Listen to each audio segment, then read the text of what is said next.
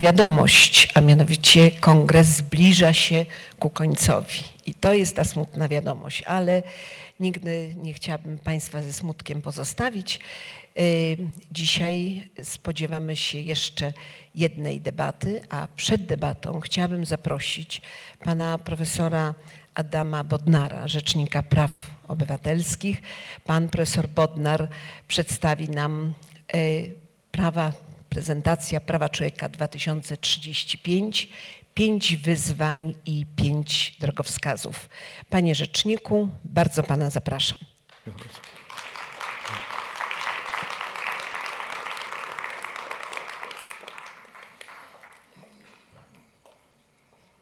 Szanowni Państwo, y, postanowiłem y, na koniec y, Kongresu Praw Obywatelskich, ale także w kontekście już kilkuletniego doświadczenia jako Rzecznik Praw Obywatelskich, y, zastanowić się nad tym, y, jakie mamy wyzwania dotyczące praw człowieka, y, jakie mamy wszyscy zadania do wypełnienia.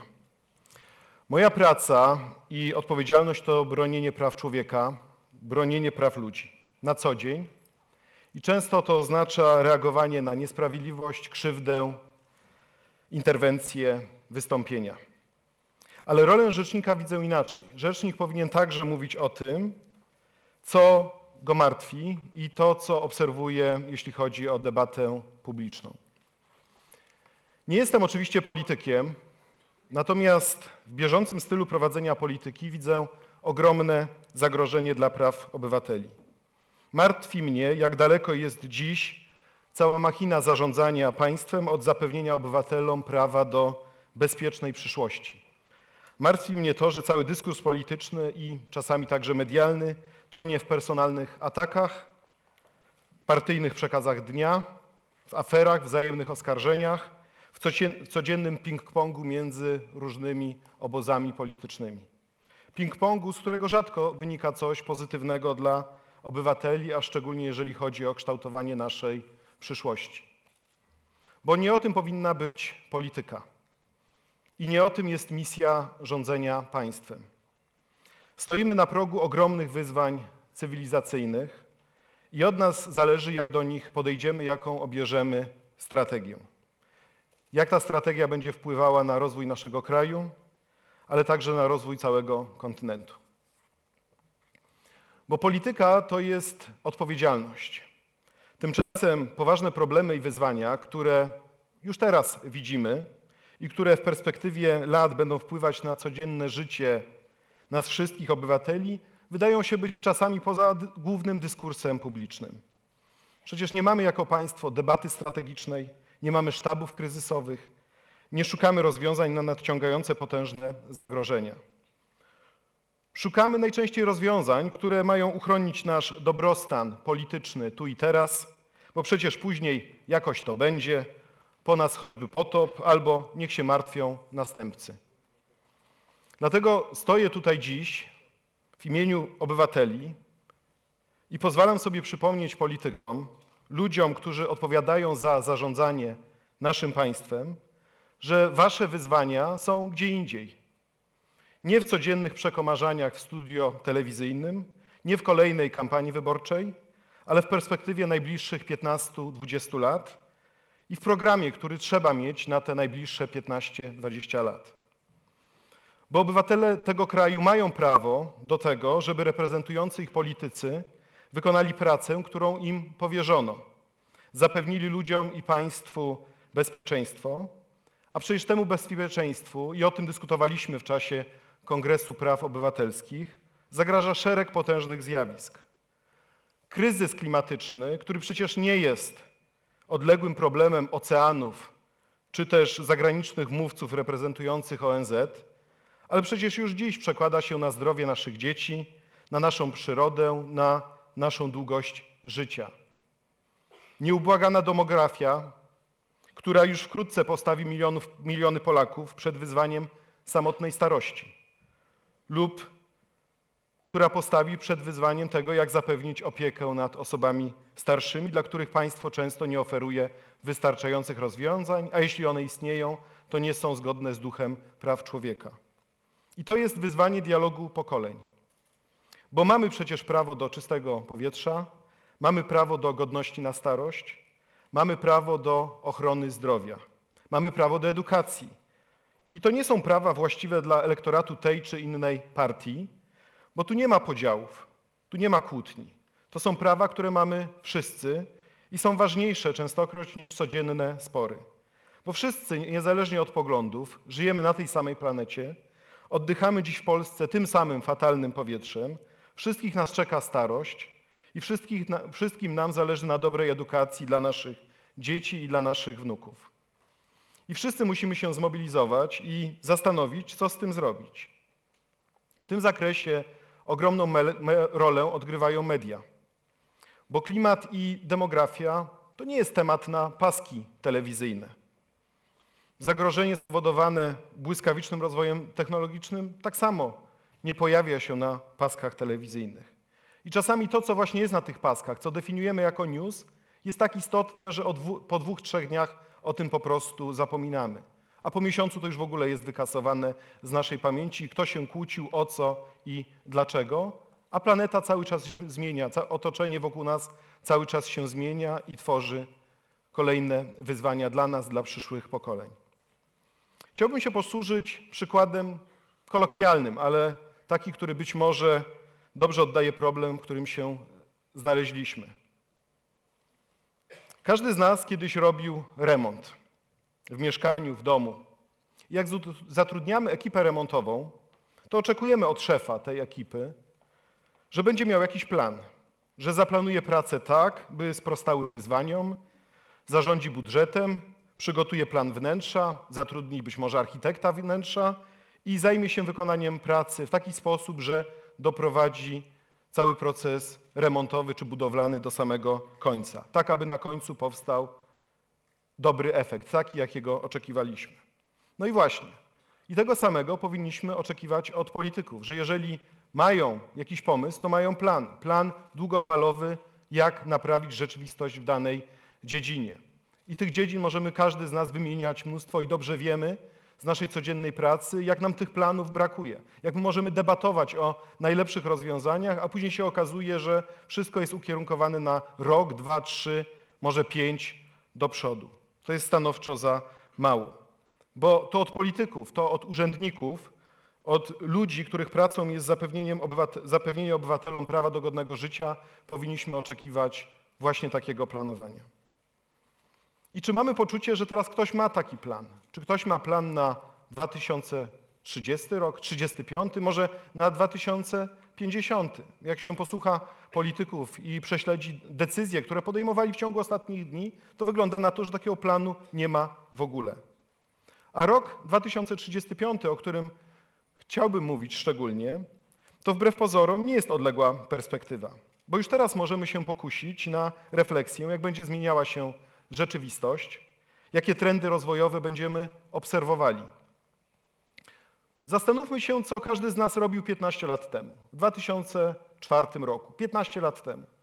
Wtedy byliśmy le, ledwo co przy, po przystąpieniu do Unii Europejskiej i pewnie w grudniu 2004 roku albo nasi krewni wyjeżdżali do pracy, do różnych państw członkowskich, albo być może my wybieraliśmy się na jakąś wycieczkę i po raz pierwszy cieszyliśmy się z tego, że nie musimy e, pokazywać paszportu. To było tylko 15 lat temu, a może aż 15 lat temu. Czyli tak samo, jak sobie wyobrazimy, co będzie za 15 lat, to okaże się, że ta perspektywa tak naprawdę nie jest odległa, że ona jest wręcz namacalną perspektywą. I być może w tym kontekście warto zastanowić się, jakie mamy właśnie te wyzwania. Ja widzę pięć wyzwań oraz pięć drogowskazów, które nam mogą pomóc przygotować się do tej ciężkiej drogi. To jest oczywiście moja perspektywa. To jest perspektywa wynikająca z kilkuletniej pracy w biurze rzecznika, perspektywa wynikająca z kontaktu z państwem, z setkami, z tysiącami, z setkami tysięcy y, obywateli, perspektywa wynikająca z lektury skarg, ale perspektywa także wynikająca z mojej troski. Nie wiem, czy jest właściwa. Być może tak, być może Państwo się z nią nie zgodzą, ale apeluję. Musimy oderwać się od perspektywy na dziś, od perspektywy na jutro. Musimy patrzeć naprawdę bardzo do przodu, 15 lat do przodu. I zastanówmy się, jakie to będą wyzwania oraz jak możemy sobie z nimi poradzić. Zastanówmy się także, jak może nam pomóc w tym konstytucja oraz standardy praw człowieka. Zmiana klimatu to jest fakt naukowy. To zdjęcie, które Państwo widzą, to jest krajobraz z Rytla. Jak byłem z moją ekipą, to to zdjęcie zrobiliśmy już kilka miesięcy po tym, jak huragan powalił hektary, dziesiątki hektarów drzew. drzew. I trudno polemizować ze zmianą klimatu, bo czy, z tym, czy mamy z tym do czynienia, czy nie, bo to jest po prostu fakt naukowy. Jeżeli rektor Uniwersytetu Warszawskiego na otwarcie roku akademickiego mówi o tym, że to jest fakt naukowy i o tym pamiętajmy, to nie możemy się z tym nie zgodzić. I trudno też polemizować, jak obserwujemy wysychające wodospady Wiktorii czy topniejące lodowce. Podwyższenie średniej temperatury na naszej planecie będzie powodowało zmiany społeczne, zagrożenie życia i zdrowia oraz masowe migracje. Profesor Philip Alston, który jest gościem kongresu, specjalny sprawozdawca ONZ do spraw praw człowieka i skrajnego ubóstwa, sformułował pojęcie apartheidu klimatycznego, wykluczenia biedniejszych mieszkańców planety z możliwości uchronienia się przed konsekwencjami zmiany klimatu. Bo bogatsi pewnie będą mieli różne możliwości poradzenia sobie z kryzysem. Ale zmiana klimatu wpływać będzie na nasze dyskusje o prawie człowieka nie tylko do czystego środowiska, ale wręcz na nasze dyskusje o prawie człowieka do przeżycia na tej planecie. I to jest nasza wielka odpowiedzialność za przyszłe pokolenia. Zastanówmy się, co nas czeka w ciągu najbliższych lat. Czy będziemy mieli w Polsce blackout, wakacje, czy może w województwie łódzkim w którymś momencie faktycznie trwale zabraknie wody, czy huragany będą dalej nawiedzać polskie lasy i niszczyć je jak lasy w okolicach Rytla. Drugie wyzwanie to nowe technologie. Oczywiście one nam ułatwiają życie. One przyczyniają się do rozwoju cywilizacyjnego. One pomagają nam w tym, że to, co dzisiaj mówię do Państwa, może być także transmitowane do wielu osób. Korzystamy z nich, cieszymy się nimi. Stanowią część naszego życia. Algorytmy i sztuczna inteligencja staje się naszą codziennością. Ale pamiętajmy o tym, że w kontekście praw człowieka te nowe technologie przynoszą także zagrożenia ze strony państw, ale także ze strony wielkich korporacji. Ułatwianie komunikacji oraz wyborów konsumenckich oczywiście nas uwodzi. My uwielbiamy z tego korzystać. Ale jednocześnie przekazujemy nasze dane, mamy coraz mniejszą kontrolę nad nimi, a jednocześnie poddajemy się coraz większej manipulacji. I powstaje pytanie, czy jesteśmy się w stanie zatrzymać? Czy tworzenie społeczeństwa nadzorowanego to jest autostrada tylko w jednym kierunku? Bo jeśli nie uświadomimy sobie zagrożeń związanych z coraz większą kontrolą nad naszym życiem, to tworzymy przestrzeń do bezwolnego ograniczania naszych praw i wolności oraz naszego prawa do świadomego wyboru. I znowu, czy za kilka lat, może wzorem Chin, ktoś wpadnie na pomysł, aby wprowadzić system punktowy, że różne czyny, zachowania w naszym życiu są oceniane od samego dzieciństwa i im lepszymi obywatelami, czy dziećmi, czy młodzieżą jesteśmy, tym zasługujemy na lepsze szkoły, na stypendia, a być może zasługujemy na lepszą pracę. A może wzorem Hongkongu za chwilę ktoś wpadnie na pomysł, aby używając argumentu bezpieczeństwo narodowe i porządek publiczny, zainstalować wieże, z których kamery będą ściągały nasze dane biometryczne i będą idealnie identyfikowały, kto, w danym miejscu, kto jest w danym miejscu na danym terytorium, na danej ulicy, na danym placu. Przecież to właśnie te platformy ostatnio niszczyli protestujący w Hongkongu. A może wzorem Rosji wprowadzimy suwerenny internet, taki nasz własny polski narodowy internet i nałożymy na dostawców obowiązek instalowania specjalnych nakładek, które będą pozwalały na kontrolowanie naszej działalności, a być może blokowanie naszej niepożądanej działalności. To dosłownie kilka różnych scenariuszy, o których można by długo dyskutować. Wreszcie trzecie wyzwanie to problemy demograficzne. One będą narastać ze względu na starzenie się społeczeństw europejskich. Wydłuża się czas życia i oczywiście to jest dobra wiadomość dla nas. Będziemy żyć dłużej. Wszystko na to wskazuje. Ale czy starość będzie dla wszystkich radosna? Czy starość będzie dla wszystkich godna? Czy starość będzie wypełniała standardy praw człowieka? Czy będziemy w stanie rozwiązać problemy z zapewnieniem godnej opieki dla osób starszych? Czy będziemy w stanie opanować frustrację spowodowaną niskimi emeryturami, szczególnie w przypadku braku kompleksowej reformy systemu emerytalnego? Czy emigracje zarobkowe i otwarte granice nie spowodują zanikania więzi solidarności międzypokoleniowej? Konsekwencją starzenia się będzie także wzrost nakładów na służbę zdrowia i usługi pielęgnacyjne. Jednocześnie towarzyszyć temu będą zwiększone oczekiwania społeczne ze względu na rozwój medycyny. No bo skoro medycyna oferuje określone rozwiązanie, to dlaczego państwo ma mi tego rozwiązania nie zapewnić? Jak pogodzić to wszystko ze sobą? Wreszcie wyzwanie to konsekwencje migracji, stopniowe tworzenie się w Polsce społeczeństwa wielokulturowego oraz to, przed czym przestrzegam na wielu spotkaniach, to, że tak so far so good, tak długo jak mamy wzrost gospodarczy, to w sposób naturalny godzimy się na migrację zarobkową. Ale co się stanie, jeżeli nagle się pojawi kryzys gospodarczy? Czy nasze społeczeństwo jest gotowe na to, aby poradzić sobie z konfliktami społecznymi na tle kulturowym w sytuacji kryzysu gospodarczego? Jak mówimy o problemach demograficznych, to znowu spójrzmy na inne państwa. Czy nas czeka to, że tak jak Korea Południowa i Japonia będziemy mieli problemy z samobójstwami osób starszych? A może czeka nas bunt młodych, którzy w którymś momencie powiedzą, dlaczego mamy finansować kosztowne operacje ludziom starszych? Kolejne wyzwanie, czwarte, to rozdźwięk, jaki widzę między światem młodzieży a światem osób starszych. Bo ten rozdźwięk wpływa na poziom zrozumienia wartości demokratycznych. Ten rozdźwięk wynika z innych doświadczeń pokoleniowych i historycznych, ale także innych sposobów korzystania z mediów, korzystania z internetu oraz komunikowania się. Kilka sesji w czasie kongresu było temu poświęconych. Skutkiem jest kryzys autorytetów oraz zrozumienia, jakie ma znaczenie obywatelstwo dla kształtowania członkostwa we wspólnocie politycznej. Bo nie dbamy o to, co może nam się wydawać naturalne, tak jak nie dostrzegamy powietrza, kiedy nim na co dzień oddychamy. Ale ten rozdźwięk może powodować zagrożenie dla demokracji, może wpływać na emocjonalny charakter codziennej polityki, a także na wzrost postaw ksenofobicznych, nacjonalistycznych, a także na wzrost populizmów. Widzimy, że żyjemy i jesteśmy coraz bardziej zagubieni w świecie i o tym mówiła, przemawiała kilka dni temu Olga Tokarczuk w swoim wykładzie noblowskim. Pozwolą Państwo, że zacytuję. Zamiast usłyszeć harmonię świata, usłyszeliśmy kakofonię dźwięków, szum nie do zniesienia, w którym rozpaczliwie próbujemy dosłuchać się jakiejś najcichszej melodii, najsłabszego chociaż rytmu. Parafraza szekspirowskiego cytatu jak nigdy pasuje dzisiaj do kakofonicznej rzeczywistości. Internet to coraz częściej opowieść idioty, pełna wściekłości i wrzasku.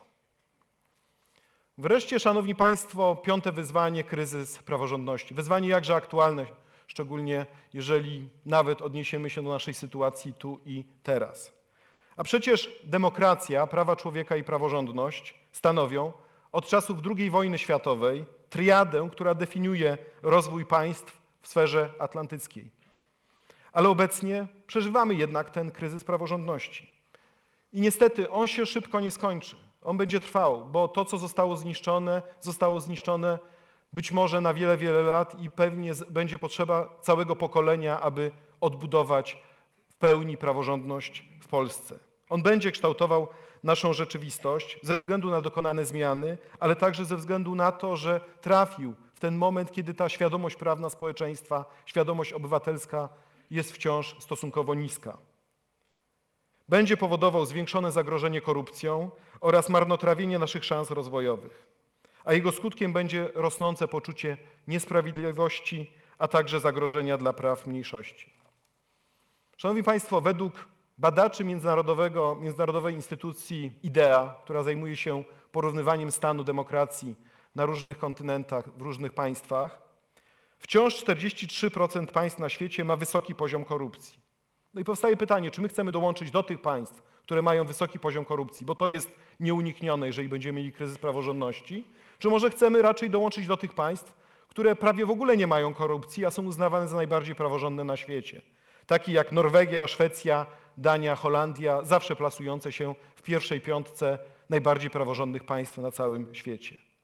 I musimy cały czas podlewać roślinkę zaufania do prawa, państwa, instytucji, bo jeśli nie uchronimy jej od chwastów oraz od nadmiernego światła, to nie wyrośnie piękny dąb, dąb stabilny, który uchroni nas przed różnego rodzaju zagrożeniami, przed burzą, przed deszczem, przed wiatrem. Ta roślinka, ten dąb nam po prostu prędzej czy później uschnie.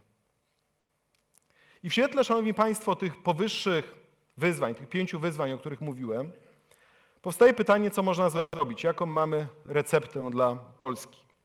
I oczywiście ja zdaję sobie sprawę z tego, że nie jesteśmy w stanie zapobiec wszystkim zmianom. Niektóre zmiany mają charakter globalny.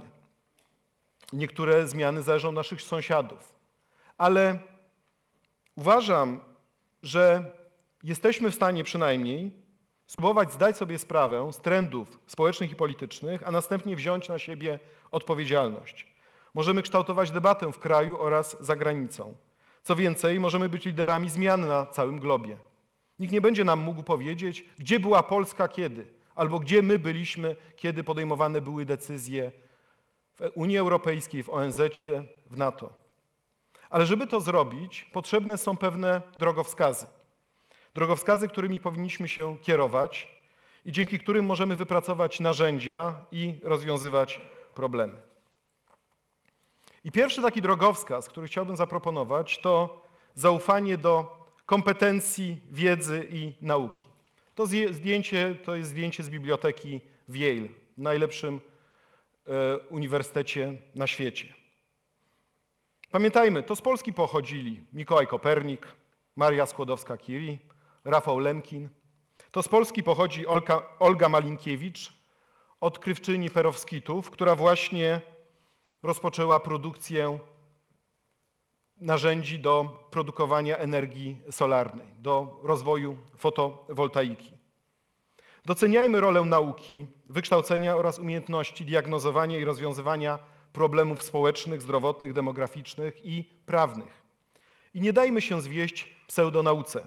Nie dajmy się zwieść tym, którzy lekceważą znaczenie liczby napisanych artykułów, książek czy liczby cytowań. Bo bez nauki nie jesteśmy w stanie podejmować racjonalnych, strategicznych i przemyślanych decyzji.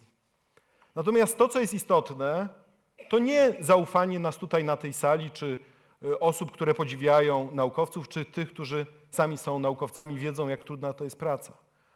Wyzwaniem jest poszukiwanie połączenia między światem nauki a światem polityki, bo trzeba rozliczać polityków z tego, czy znają fakty, czy korzystają z wiedzy ekspertów, czy budują zaplecze merytoryczne dla swoich działań. Jeżeli się zastanawiamy nad tym, czy nauka jest dla nas istotna, czy wiedza, czy doświadczenie, czy metody działania są istotne, to zastanówmy się, co robimy, jak nas boli ząb. Jak nas boli ząb, szanowni państwo, nie idziemy do kowala. Ufamy naukowcom, ufamy dentystom, ufamy stomatologom, ufamy tym, którzy przez wiele lat zdobyli określone kompetencje do wykonywania bardzo trudnego i odpowiedzialnego zawodu i szanujemy ich pracę oraz to, co mają nam do powiedzenia. Drugi drogowskaz, Szanowni Państwo, to wspólnotowość. Konstytucja Rzeczypospolitej stanowi, że Rzeczpospolita jest dobrem wspólnym wszystkich obywateli. Z kolei traktaty europejskie stanowią, że Unia Europejska jest wspólnotą wszystkich obywateli państw członkowskich Unii Europejskiej. Wszyscy jesteśmy obywatelami Unii Europejskiej. A dbałość o dobro wspólne oznacza staranność w realizacji interesu publicznego, ale także kierowanie się zasadą zrównoważonego rozwoju. To wszystko przekłada się na to, jak podchodzimy do rozwiązywania określonych wyzwań cywilizacyjnych. Starzenie się społeczeństwa, o nim mówiłem, jest wyzwaniem dla młodego pokolenia w kontekście zapewnienia i sfinansowania odpowiedniej opieki i zabezpieczenia społecznego. Z kolei bez wspólnotowości trudno jest stworzyć akceptację dla różnorodności, która jest konsekwencją rozwoju, rozwoju społeczeństwa, różnych modeli życia czy też masowych migracji. Wreszcie bez wspólnotowości nie można tworzyć równych szans rozwoju dla wszystkich, niezależnie od tego, gdzie się urodzili. Wspólnotowość tworzy także przestrzeń do rozwoju społeczeństwa obywatelskiego oraz poszukiwania rozwiązań określonych problemów w wyniku oddolnej energii społecznej i uczestnicy i uczestniczki tego kongresu są najlepszym tego świadectwem, ile Państwo dzięki swojej pracy jako działacze, działaczki, aktywiści, aktywistki potrafili rozwiązać, jak bardzo Państwo wpływają na funkcjonowanie naszego państwa i kształtują współczesne społeczeństwo obywatelskie. Jeżeli się zastanawiamy, czy wspólnotowość ma dla nas znaczenia, to zastanówmy się, co jest dla nas takim największym świętem, które wszyscy przeżywamy. To jest finał Wielkiej Orkiestry Świątecznej Pomocy.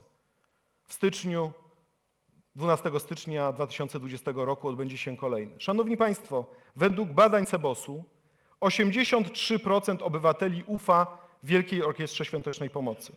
Czy nie jest to najlepszy przykład, dlaczego wspólnotowość i działalność społeczeństwa obywatelskiego jest tak ważna i dlaczego ją należy wspierać? Wreszcie, Szanowni Państwo, trzeci drogowskaz to integracja europejska. Polska nie jest w stanie radzić sobie sama z problemami globalnymi. Polska powinna nie tylko wypełniać zalecenia, wdrażać rekomendacje i prawo europejskie, ale wręcz powinna nadawać ton dyskusji Unii Europejskiej oraz na całym globie. Mamy ludzi, mamy ekspertów, mamy naprawdę doskonały potencjał, żeby to robić. To od nas zależy i od naszych liderów, czy jesteśmy w stanie to robić, czy jesteśmy w stanie dostrzec naszą szansę wpływania na bieg losu całego kontynentu. Dla przykładu, polskie dziedzictwo Solidarności może stać się agendą Solidarności klimatycznej, jak niedawno postulował to na świetnej konferencji zorganizowanej w Gdańsku Lech Wałęsa. Polska musi współpracować z sąsiadami, kierować się interesem europejskim oraz zasadą lojalności, a nie egoizmem narodowym. Jednocześnie, jeżeli kieruje się tymi wartościami, to może tego samego wymagać od innych państw członkowskich. Integracja europejska jest tym bardziej ważna, że to także dbałość o relacje transatlantyckie i przywrócenie znaczenia sojuszu wokół demokracji i praw człowieka, który przecież istnieje od II wojny światowej, a obecnie znajduje się także w kryzysie.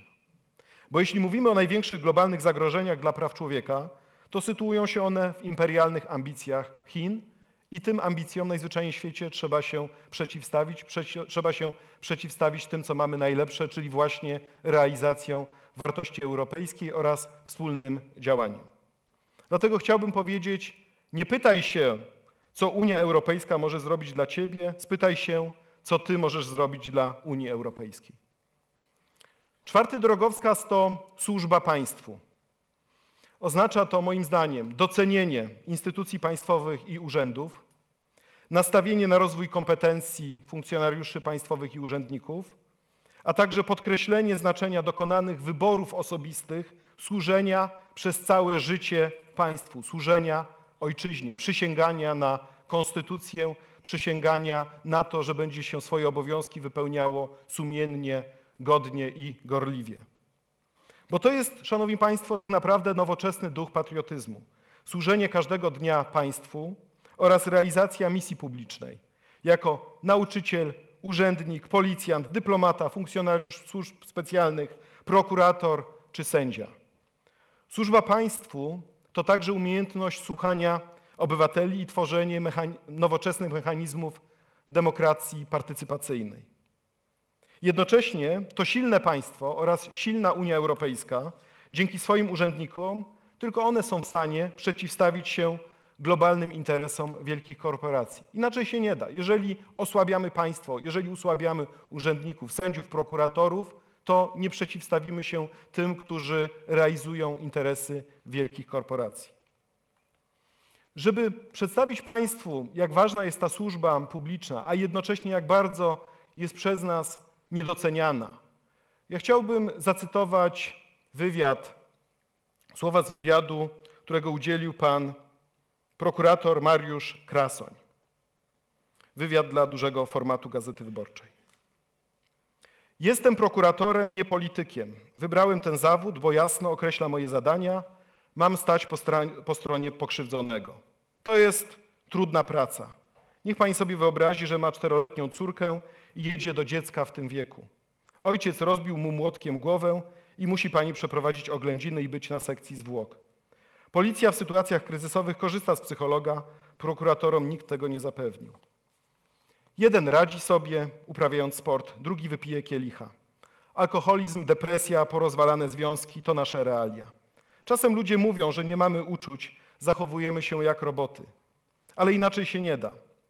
Kiedyś pojechałem na wypadek, w którym zginęła czteroosobowa rodzina. Zaglądam do samochodu, dzwoni telefon. Szukam po kieszeniach, to nie mój kierowcy. Poczułem, że nogi mam jak z waty. Dlatego, żeby czynność wykonać, trzeba jechać jak automat. Potem już w domu zdarza się, że człowiek ryczy. Szanowni Państwo, piąty drogowskaz to edukacja. Edukacja to najlepsza inwestycja w przyszłość, największy sposób okazania, że zależy nam na przyszłych pokoleniach oraz na ich dobrobycie. Edukacja to inwestycja w kapitał społeczny oraz metoda kształcenia przyszłych pokoleń dojrzałych obywateli, którzy będą w stanie wziąć odpowiedzialność za kształt wspólnoty lokalnej, narodowej czy europejskiej, także globalnej. Edukacja to także sposób na przeciwstawienie się populizmowi, na dokonywanie świadomych wyborów, na wyrównywanie nierówności w społeczeństwie, a także na tworzenie akceptacji dla społeczeństwa wielokulturowego. I jeśli szukamy potwierdzenia, czy edukacja jest ważna, to spójrzmy na wydarzenia ostatnich dni. Spójrzmy na to, kto tworzy rząd w Finlandii, w państwie uznawanym za modelowe, jeśli chodzi o system edukacji. Nie bez przyczyny tam właśnie premierem rządu została 34-letnia premier Sanna Marin. Szanowni Państwo, 2035 rok już za chwilę. Jeśli zmarnujemy najbliższe 15 lat na codzienne polityczne utarczki i rozgrywki personalne, to może już nie być odwrotu, jeśli chodzi o wzrost autorytaryzmów, siły globalnych korporacji, wykorzystywania nowych technologii do kontrolowania naszego życia, czy też jeśli chodzi o zmianę klimatu. O prawach człowieka nie można mówić w oderwaniu od życia społecznego i politycznego. Doktryna praw człowieka nie oferuje gotowych rozwiązań, bo one zależą od polityki, one zależą od polityków. Ale spojrzenie na politykę przez pryzmat wyzwań rozwojowych pokazuje, że prawa człowieka i wartości konstytucyjne, wartości, które sami stworzyliśmy w latach 90., mogą okazać się dla nas wszystkich przydatne. W skomplikowanym i trudnym do zrozumienia świecie, o którym mówiła Olga Tokarczuk w swojej mowie, mogą prawa człowieka stanowić punkt oparcia oraz wyznacznik standardu, ale tylko jeśli traktujemy je poważnie, jeśli rzeczywiście zastanawiamy się, co z nich wynika dla naszego życia. Wskazane przeze mnie drogowskazy mogą nam pomóc w odnalezieniu się na tej trudnej drodze mierzenia się z wyzwaniami cywilizacyjnymi. Apeluję do polityków, nie tego czy innego rządu. I chciałbym to bardzo mocno podkreślić. Apeluję do wszystkich polityków, że powinni się nad tym zastanowić, bo problem braku strategicznego podejścia to problem towarzyszący Polsce od lat. Apeluję także do kandydatów na prezydenta, których osobiście lub w osobach przedstawicieli mieliśmy zaszczyt gościć na Kongresie Praw Obywatelskich. To jest także do Was apel. Zastanówcie się nad wyzwaniami cywilizacyjnymi stojącymi przed Polską, przed naszym kontynentem. Zastanówcie się nad tym, jakie przy, powinniśmy przyjąć drogowskazy, aby te problemy rozwiązać. Albo jakie być może plany macie, jakie macie strategie, żeby z tymi problemami sobie poradzić. Popatrzmy w przyszłość. Zobaczmy, co naprawdę jest ważne. Przygotujmy się na to, zanim będzie za późno. Dziękuję bardzo.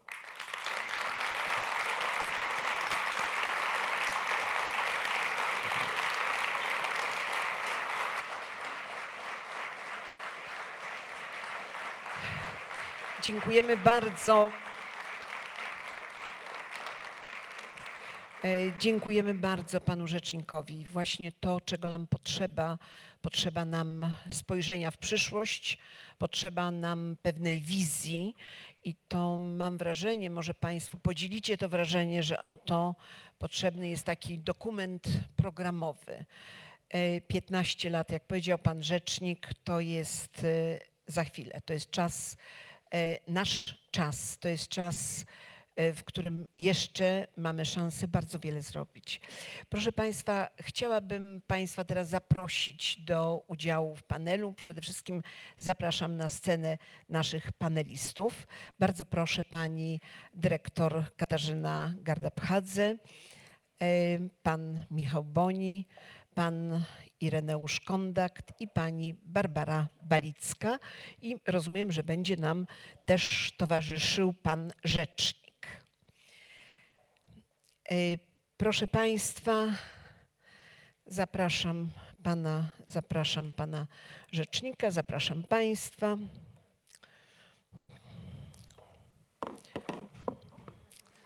Bardzo dziękuję.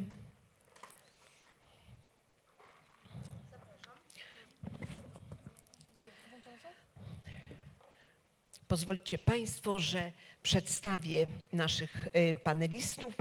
Y, Przede wszystkim naszymi panelistami, panelistkami Trzymaj, trzymaj.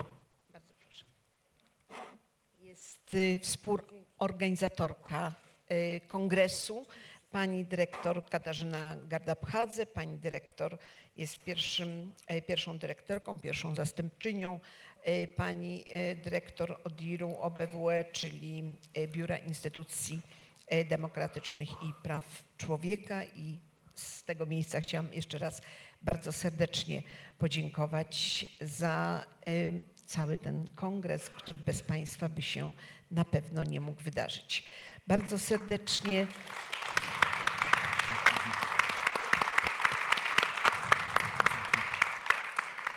y, Bardzo serdecznie witam panią Barbarę, Balicką, przedstawi, przedstawicielkę najmłodszego pokolenia, która reprezentuje y, młodych demokratów. Pani Basiu, witam panią serdecznie.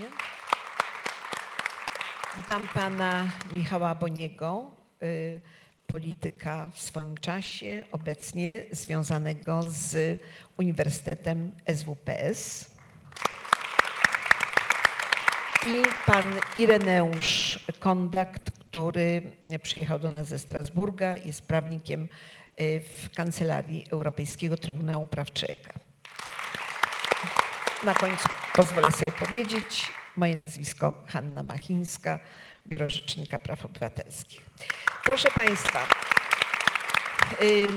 usłyszeliśmy, mm, jak powiedziałam, usłyszeliśmy y, taki dokument, który, o którym będziemy bardzo wiele mówili, bo każdy z nas, który, kto uczestniczył w panelach, w różnych panelach, ma takie przeświadczenie, że jest pewna masa krytyczna problemów, z którymi przyjdzie nam się e, zmierzyć w najbliższym czasie.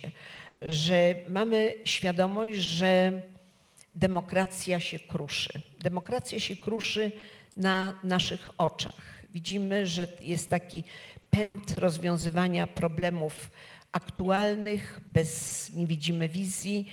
Jednostka wtłoczona w pewien nurt wydarzeń y, ma pewien kłopot z tym, żeby sprostać dyktatowi y, silniejszej siły.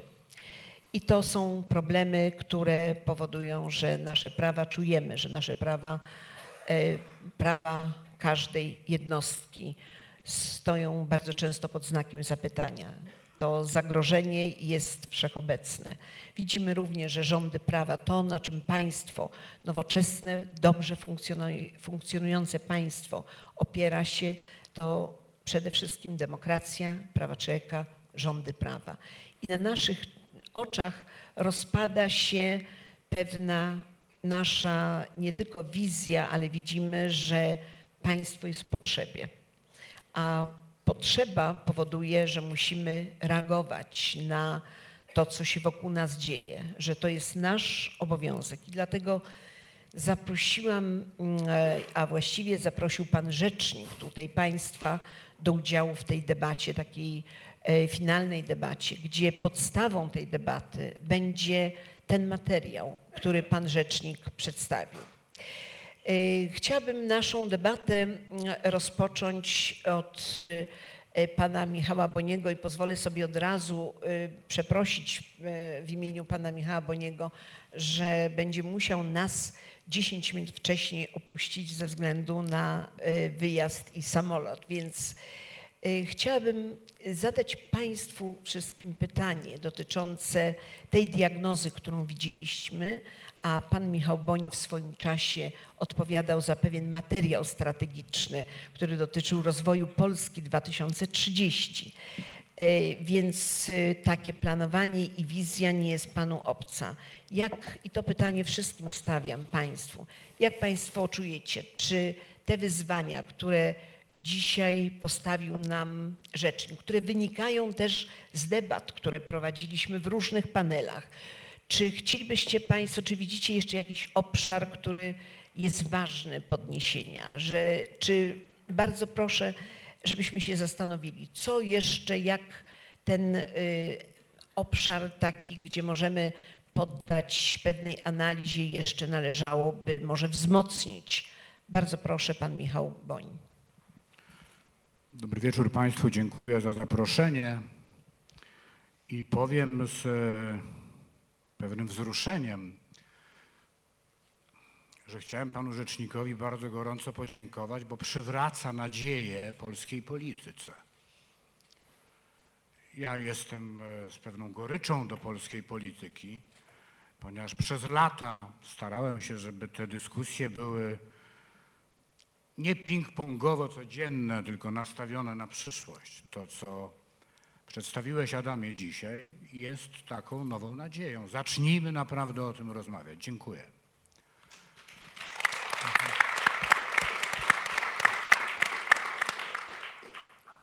I myślę, że to są bardzo dobre trafienia.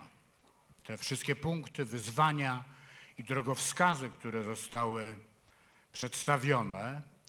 E, Mógłbym tylko powiedzieć, że z pewnego punktu widzenia patrząc, patrzę na świat współczesny i na Polskę w bardziej katastroficzny sposób. To znaczy, ja uważam, że jeśli chodzi o wyzwania klimatyczne, to jesteśmy na krawędzi. Nie możemy się usypiać na przykład takim powiedzeniem, że 2,5 stopnia, e, a 2 to jest nieduża różnica, bo na Arktyce, na Spitsbergenie rok różnicy, ubiegły rok i ten rok, to jest 4,5 stopnia. E, Ten lód się tam topi, co wpływa na tamtejszy ekosystem, ale wpływa także na uwarunkowania pogodowe w Azji Południowo-Wschodniej. Dzisiaj mamy nowe podejście do spraw klimatycznych, bo widzimy nie tylko naturę i ekosystem świata, ale widzimy nas, ludzi, bo to nas dotyka. Jeśli chcemy przeżyć, musimy działać o wiele szybciej. I jedno bym tylko dodał, musimy zrozumieć, co jest odwracalne, a co nie jest odwracalne. Niestety, już nie jest odwracalne. W sprawach dotyczących e, świata cyfrowego, krótko tylko chcę e, powiedzieć, że albo technologia będzie rządziła nami, albo my będziemy rządzili dalej w dobry sposób światem. Bo oto toczy się bój wtedy, kiedy mówimy o algorytmach, o maszynach uczących się, o sztucznej inteligencji. Ja jestem wielkim fanem e, korzyści, które z wielkich osiągnięć cyfrowych mogą płynąć, ale żeby mieć te korzyści, to musimy zrozumieć zagrożenia. I to nie jest tak, że my w Polsce nie musimy ich rozumieć, niech oni tam w Dolinie Krzemowej rozumieją te zagrożenia, bo to wszystko także nas tutaj na co dzień już dotyka.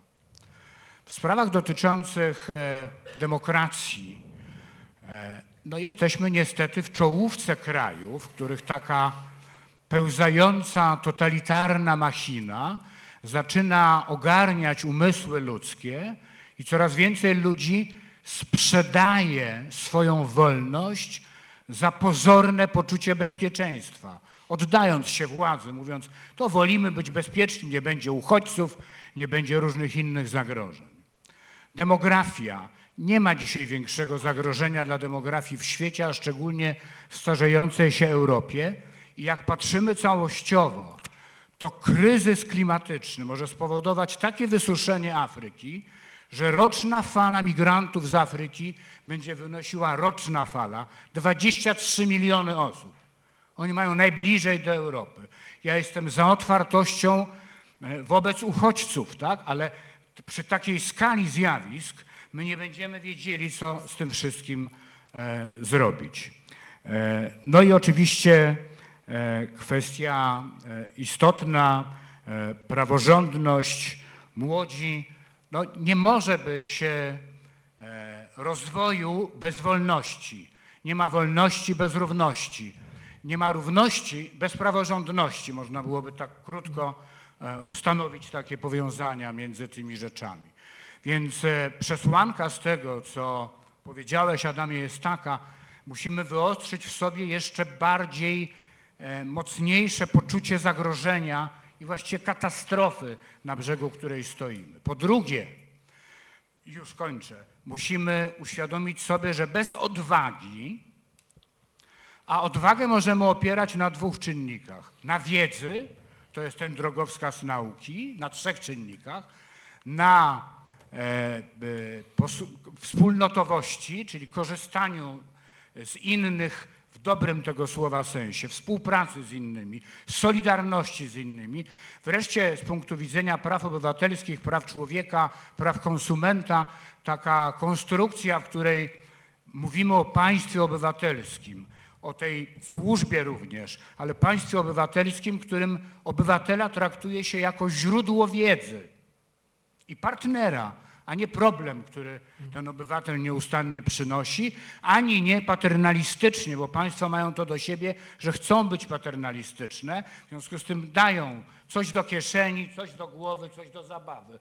Państwa muszą zrozumieć, że nie ma ich tak naprawdę bez obywateli i obywatele są tutaj kluczem. A zatem ta odwaga, ta wyobraźnia są tutaj e, e, potrzebne. I na koniec chcę powiedzieć tak. Żeby móc ten program zrealizować, trzeba być razem i być na samym początku, zanim będziemy już konkretnie rozmawiali o rozwiązaniach, stworzyć wielką wspólnotę SOS. Bardzo dziękuję. E, My mówimy, myśląc o tym dokumencie, który przedstawił, tej wizji, którą przedstawił pan rzecznik, e, myślimy cały czas o Polsce. Ale przecież pytanie, to pytanie do pani dyrektor y, Katarzyny Ga- Gardabchadze. Pani ma ogląd sytuacji znacznie szerszy aniżeli Polska. W jakim stopniu to pani widzi, że te problemy są problemami uniwersalnymi? Czy rzeczywiście poruszamy się tylko w granicach Polski, czy znacznie szerzej? Ja może zacznę od tego, że ja od e, paru lat alarmuję e, w moim biurze i w naszej organizacji, że możemy kontynuować się roz, rozdrabnianie się na drobne, a tak jak to robiliśmy w czasach, że tak powiem, kiedy wszystko było ok i stabilnie, ale wtedy e, realna szansa zmienienia czegoś, co jest naprawdę krytyczne dla, dla świata, jest znacznie mniejsza, albo możemy ustalić priorytety tam, gdzie one są potrzebne, tak jak to dzisiaj usłyszeliśmy od pana rzecznika, za co jestem szalenie wdzięczna, i skoncentrować nasze środki, nasze siły, nasze zdolności, na, nasze talenty na realizacji tych priorytetów. No i muszę powiedzieć, że to jest taka troszkę praca na ugorze w organizacjach międzynarodowych, ale tym niemniej praca, która jest absolutnie niezbędna. Ale pozwolę sobie na takie na początek, na początek może dwie refleksje osobiste. Um, mój syn, starszy mój syn, 29-letni obecnie, pracował przez jakiś czas dla rządu, a, a konkretnie dla e, Ministerstwa Ekonomiki i Królewskiej Mości Wielkiej Brytanii jako doradca do spraw ekonomicznych e, efektów Brexitu. I on stamtąd odszedł nie dlatego, że były złe warunki pracy, czy nie dlatego, że cokolwiek tam się działo nie tak, a odszedł stamtąd dlatego, przyszedł do mnie i powiedział, mamo, nikt z polityków, z żadnej opcji politycznej nie ma długoterminowej wizji i nikogo nie obchodzi, co się stanie z ludźmi w tym kraju. Ich obchodzi tylko, co będzie na nas następnymi wyborami. E, Tam nie ma żadnej strategii, tam nie ma żadnej troski o ludzi. Ja w takich warunkach pracować nie mogę. I odszedł i stał się aktywistą klimatycznym i on mi również powiedział, i to mnie dosyć przeraża, powiedział, mamo, ja nie będę mieć dzieci i ja nie mogę wziąć odpowiedzialności za to, żeby sprowadzić dziecko na świat, który umiera. I to jest, muszę powiedzieć, bardzo nie dla mnie osobiście, ale bardzo dramatyczne przesłanie, tym bardziej, że nie jestem odosobniony, bo jak patrzymy na badania na przykład New York Timesa niedawne, 33% osób, które mogłyby być rodzicami w Stanach Zjednoczonych, nie będzie rodzicami dokładnie z tego samego powodu. W Wielkiej Brytanii mamy cały birth strike, czyli strajk przeciwko urodzinom dzieci spowodowany strachem przed kryzysem klimatycznym. Więc myślę, że ten priorytet jako, jako zagrożenie jest absolutnie fundamentalny i absolutnie pierwszy. Pan rzecznik wspominał wizję apartheidu klimatycznego, wspominał o kwestii starzejącego się społeczeństwa. Ja bym powiedziała, że w ogóle kwestia wykluczenia społecznego, wykluczenia ekonomicznego to jest następna kwestia, która jest szalenie ważna i z punktu widzenia praktycznie danych, które pokazują coraz większy rozdźwięk, zwłaszcza ekonomiczny, między e, najbiedniejszymi a najbogatszymi, e, ale także percepcję tego rozdźwięku, która czasami jest większa niż same statystyczne dane. I o tym chcę też tutaj powiedzieć, dlatego że wydaje mi się, że jest kilka kwestii, które mają fundamentalne znaczenie. E, Państwo zapewne e, znacie barometr zaufania Instytutu Edelmana, który patrzy na cztery, co nazywa czterema e, fundamentami życia społecznego. Patrzy na instytucje państwowe, na biznes, na media i na sektor pozarządowy. No i bada, w jaki sposób ludzie ufają tym różnym jednostkom. No i od paru już lat alarmuje, nazwał to zapaścią zaufania. Alarmuje, że zaufanie spada dramatycznie i co ciekawsze spada, e, rośnie rozdźwięk między tak zwaną informed public, czyli tą częścią społeczeństwa, która jest dobrze wykształcona, dobrze zorientowana w sytuacji, a tak zwanym mass population, czyli e, ogólnie rzecz biorąc odbiorcą masowym. Do tego stopnia, że i to rośnie tak progresywnie. Powiedziałam w tej chwili, poziom zaufania ogólnie jest na, na, na poziomie powiedzmy rzędu, rzędu 60%, a na, jeżeli chodzi o tą informed public, czyli tych ludzi, którzy są wykształceni i zorientowani, i 45%, a jeżeli chodzi o całą resztę. E, I ten rozdźwięk się pogłębia. Przy czym e, chcę powiedzieć, że w Polsce niestety ten poziom zaufania według tego samego barometru zaufania jest szalenie niski.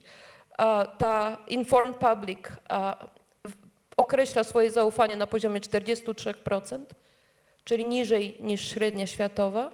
Natomiast cała reszta na poziomie 34% to nas plasuje e, odpowiednio na e, najniższym i na drugim zaraz za Federacją Rosyjską miejscu w skali e, barometru Edelmana. Po trzecie chciałabym mówić troszeczkę też o wierze i zaufaniu do struktur państwowych, e, do państwowości jako takiej, bo to jest też część tego badania i tutaj od lat już e, ten wskaźnik jest najniższy, najniższy możliwy i on spada. W Polsce, proszę Państwa, na, na, na świecie wiarygodność e, instytucji państwowych jest oceniana na poziomie 29%, to znaczy jeden z trzech ludzi wierzy, że instytucje państwowe są wiarygodne, a w Polsce 64% ludzi uważa, że obecny system, czyli obecne struktury państwowe ich zawiodły. To są bardzo dramatyczne wskaźniki. I może ostatnia rzecz, o której chciałabym powiedzieć, bo to też jest istotne, to jest poziom strachu. Badania pokazują, że e, jakiś czas temu jeszcze, powiedzmy dekadę temu, e, była duża grupa ludzi na świecie, a także w Polsce, która była powiedzmy zaniepokojona pewnymi procesami, pewne procesy wzbudzały ich troskę. E, Natomiast ten wskaźnik się zdecydowanie przesuwa w tej chwili w stronę ludzi, którzy się pewnych procesów boją. Więc mówimy o procesach takich jak korupcja, globalizacja, rewolucja technologiczna, masowe migracje. Oni nie są tym zaniepokojeni, oni się tego boją. A strach wywołuje po pierwsze reakcje obronne, ale po drugie aktywuje też wartości, które są konserwatywne, które są bardzo tradycyjne i które są zdecydowanie z prawej strony spektrum politycznego. I to widać zresztą na przykładzie, na przykład jak popatrzymy sobie na wyborców Donalda Trumpa w 2016 roku, spośród wyborców do, Donalda Trumpa, tych, którzy się a, określali jako posiadających wysoki poziom strachu przed tymi zagrożeniami, było 70%. U Hillary Clinton było ich mniej niż 40%. A ten sam proces widzimy e, w sytuacji Brexitu. Ci, którzy głosowali w referendum za wyjściem z Unii Europejskiej, spośród tych ludzi prawie 55% e, e, ludzi czuło się zagrożonych, a wśród tych, którzy głosowali za pozostaniem w Unii Europejskiej, było ich mniej niż 25%. Strach to jest potężna siła, która pcha nasze społeczeństwa w tę czy w inną stronę. Ja może potem powiem, jak będziemy mówić troszkę o rozwiązaniach, um, jak mi się wydaje, że moglibyśmy sobie z tym poradzić. Dziękuję bardzo. O tym też mówiliśmy w kilku panelach. Zarządzanie strachem i wykorzystywanie właśnie tego poczucia, budowanie tego poczucia strachu. Y, Nadzieja w młodym pokoleniu. Y, Pani Barbaro, y, to co obserwujemy, strajk klimatyczny, autentyczny ruch, różne działania grup młodzieżowych, fantastyczne angażowanie się w sprawy publiczne i takie jest przeświadczenie, że po pierwsze oczywiście do Was przyszłość należy, ale już dzisiaj Wy macie ogromną rolę do spełnienia. Oddaję Pani głos. Dziękuję bardzo. Dziękuję także za zaproszenie. To jest dla mnie ogromny zaszczyt i przyjemność, że po raz kolejny mogę już uczestniczyć w e, kongresie. Cóż ja mogę dodawać tutaj do panelu z tak mądrymi osobami? E, Postaram się jakoś reprezentować to młode pokolenie najlepiej jak umiem. I to prawda, e, widzimy, że te ostatnie lata obfitują w bardzo dużo form aktywności młodych ludzi. I to jest bardzo piękne, to jest bardzo potrzebne. To faktycznie może dawać e, dużo nadziei i wiary tym, e, którzy walczyli o pewne wartości już wcześniej i zastanawiali się, zadawali sobie pytanie, gdzie są młodzi, gdzie są ci, e, którym najbardziej powinno zależeć na tej przyszłości w Polsce, bo to oni będą w niej żyć. E, no i mają odpowiedź. Młodzi są, są na ulicach przy okazji strajków klimatycznych, są przy okazji manifestacji dotyczącej mniejszości, mniejszości seksualnych, mniejszości narodowych. Są tam, gdzie uważają, że być powinni przede wszystkim. To wciąż jeszcze być może nie jest wystarczające, e, żeby ta lawina tak ruszyła, żeby naprawdę zadziały się zmiany, które są potrzebne. E, To być może jeszcze nie jest wszystko, na co nas młodych stać, ale to jest już bardzo wiele, bo to pokazuje, że faktycznie pojawiła się jakaś iskra i młodzi zobaczyli, że ich głos też potrafi być wśród odbioru innych ważny, słyszany, e, że on nie wpada w próżnię, kiedyś, to zwłaszcza ja gdzieś tam z jakichś osobistych doświadczeń mogę się odwołać, chociaż e, one zazwyczaj były bardzo, bardzo pozytywne, bardzo miłe, właśnie z rodzaju tych, jak dobrze, że młodzi w końcu są i, i stają w obronie wartości, które są dla nich fundamentalne. Ale przecież nie raz jako organizatorka manifestacji w obronie e, sądownictwa, w obronie praworządności, e, poszanowania prawa spotykałam się z opinią, ale dlaczego wypowiadasz się na temat, o którym nic nie wiesz? Dlaczego wydaje ci się, że masz kompetencje, e, jeżeli nie masz tego punktu odniesienia, jakim może być właśnie życie w Polsce, w której prawa i wolności były odbierane? E, Nie mam punktu odniesienia, jakim jest życie w stanie wojennym, e, w PRL-u, faktycznie w okresach, w których e, tych, tych wolności, tych podstawowych praw nie było, brakowało, trzeba było nie walczyć. Ale to, że tego punktu odniesienia mi brakuje, nie oznacza, że brakuje mi po pierwsze wdzięczności wobec tych, dzięki którym ja mogłam urodzić się już w wolnej Polsce, i także dodatkowej motywacji do tego, aby przykładać wszystkich sił w budowaniu tej przyszłości Polski, z której po pierwsze działacze z tamtych lat mogli być dumni, a po drugie, z której ja mogę być dumna. I do przyłożenia której ręki chciałabym mieć, chciałabym wiedzieć, że faktycznie e, zaangażowałam się, zrobiłam wszystko, co w mojej mocy. Natomiast to już, to już faktycznie odchodzi. Mam wrażenie, że coraz bardziej młodzi traktowani są jako partnerzy w dyskusjach dotyczących spraw, które przecież są albo powinny być ważne dla nas wszystkich. I to, jak głośno było o strajkach klimatycznych, choćby, jest tego doskonałym przykładem. I oczywiście przed nami długa droga, ale jestem naprawdę pełna nadziei, na którą sobie pozwalam nawet w tych trudnych czasach. Może z powodu wieku, że ta nadzieja, ta wiara, może trochę naiwna, ale bardzo potrzebna. Ona, ona, ona jest we mnie. Mm, Natomiast jeśli chodzi o te zagrożenia, żeby tak może króciutko coś dodać w ich kwestii, to faktycznie zmiany klimatyczne to jest coś, co będzie w bardzo wielu aspektach nieodwracalne Mm, i te działania są potrzebne na już. Mm, Tak naprawdę one są potrzebne nie na dziś, a na wczoraj. E, I dyskusja nie powinna dotyczyć tego, czy i kiedy powinniśmy zacząć działać, a jak wiele możemy, musimy zrobić. A odpowiedź na to brzmi wszystko, co w naszej mocy, dlatego że już jest na wiele rzeczy za późno. E, Choćby z tych ostatnich wydarzeń, e, tego porozumienia, którego Polska co prawda nie zanegowała, ale poprosiła o dodatkowy czas, to jest trochę takie myślenie: jesteśmy za, ale nie u nas. I ja rozumiem, że polska energetyka opiera się w ponad 75% na węglu, więc ta dekarbonizacja, która stała się dla państw europejskich priorytetem, nie jest e, procesem łatwym w naszym kraju. Natomiast e, myślę, że nie chodzi o to, co jest łatwe, a co jest najbardziej potrzebne. I to, że poprosiliśmy o dodatkowy czas, to, że poprosiliśmy o to, żeby jeszcze nie wprowadzać w życie tych ustaleń porozumienia, to można próbować bronić, że, że my nie do 2050, ale 60, 65 czy 70, ale wtedy może być za późno. Więc nie prośmy o czas, bo czasu nie ma. Realnie Działajmy. tego czasu już nie ma. Działajmy. Tak jest.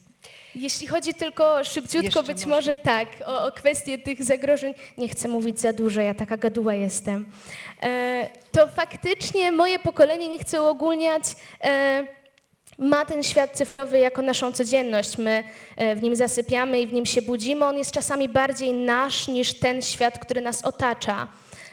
I tutaj myślę, że podstawową wartością byłaby działalność edukacyjna, która ukazałaby zagrożenia wynikające z technologii, ale w sposób właśnie nie traktujący młodych ludzi jako tych uzależnionych od telefonów. Ty to tylko z nosem w tym telefonie i w ogóle się nie, od niego nie odklejasz. Nie jako takie moralizowanie, jako wspólna partnerska rozmowa, z której obie strony mogą wynieść bardzo wiele.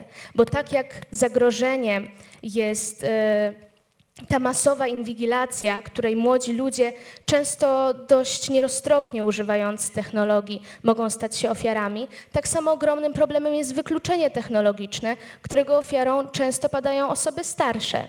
Tak Więc traktujmy się Zgadzamy jako z panią. partnerzy. Zgadzamy się. Nauczmy się od siebie nawzajem.